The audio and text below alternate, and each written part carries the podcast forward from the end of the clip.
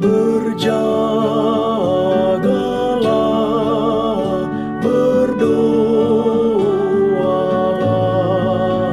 siang malam berjaga dan berdoa. Mari bersama Radio Advent Suara Pengharapan mengikuti pelajaran Alkitab melalui audio Sekolah Sabat.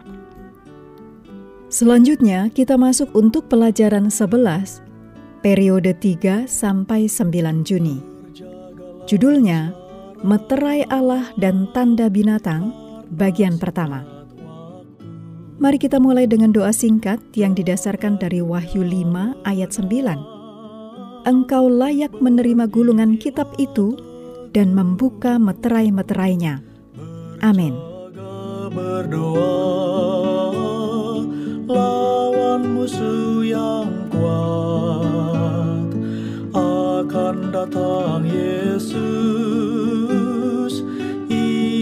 ia takkan lambat Untuk sahabat petang, Anda boleh membaca beberapa ayat untuk pelajaran sepanjang pekan. Wahyu 14 ayat 12, Efesus 2 ayat 8 sampai 10, Matius 27 ayat 45 sampai 50, Wahyu 13 ayat 15 sampai 17, Wahyu 14 ayat 4, juga Lukas 5 ayat 18 sampai 26. Ayat hafalan dari Wahyu 7 ayat 2 dan 3. Dan aku melihat seorang malaikat lain muncul dari tempat matahari terbit. Ia membawa meterai Allah yang hidup dan ia berseru dengan suara nyaring kepada keempat malaikat yang ditugaskan untuk merusakkan bumi dan laut.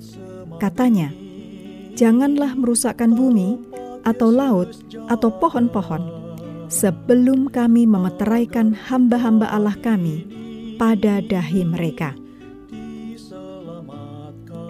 Ketika kita mempelajari peristiwa akhir zaman sehubungan dengan tanda binatang, satu poin penting yang muncul adalah perbedaan antara bagaimana Tuhan bekerja dan bagaimana musuh jiwa bertindak.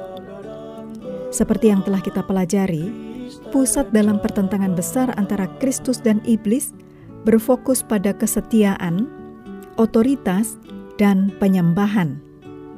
Nubuatan yang menggambarkan kuasa binatang dalam Wahyu 13 dan tanduk kecil dalam Daniel 7 serta manusia durhaka dalam 2 Tesalonika 2 semuanya berbicara tentang kuasa yang merebut otoritas Allah, menuntut loyalitas dan memperkenalkan sistem penyembahan palsu. Dan mereka melakukannya melalui penggunaan kekerasan, paksaan, dan kadang-kadang suap dan upah. Semuanya untuk memaksakan penyembahan. Sebaliknya, kasih adalah kekuatan motivasi yang besar dari kerajaan Allah. Daripada menyembah binatang itu, umat Tuhan menemukan sukacita terbesar dan kesenangan tertinggi dalam menyembah Allah. Umat Tuhan berkomitmen kepada Allah karena mereka tahu betapa berkomitmennya Allah kepada mereka.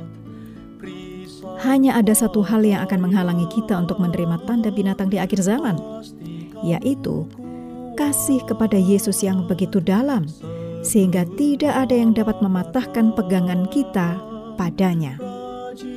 Dalam pekan ini, kita akan mengeksplorasi tema-tema ini lebih lanjut. Mengakhiri pelajaran hari ini, kami terus mendorong Anda mengambil waktu bersekutu dengan Tuhan setiap hari bersama seluruh keluarga melalui renungan harian, pelajaran Alkitab sekolah sabat, juga bacaan Alkitab sedunia. Percayalah kepada nabi-nabinya yang untuk hari ini melanjutkan dari Mazmur 28 Kiranya Tuhan memberkati kita semua.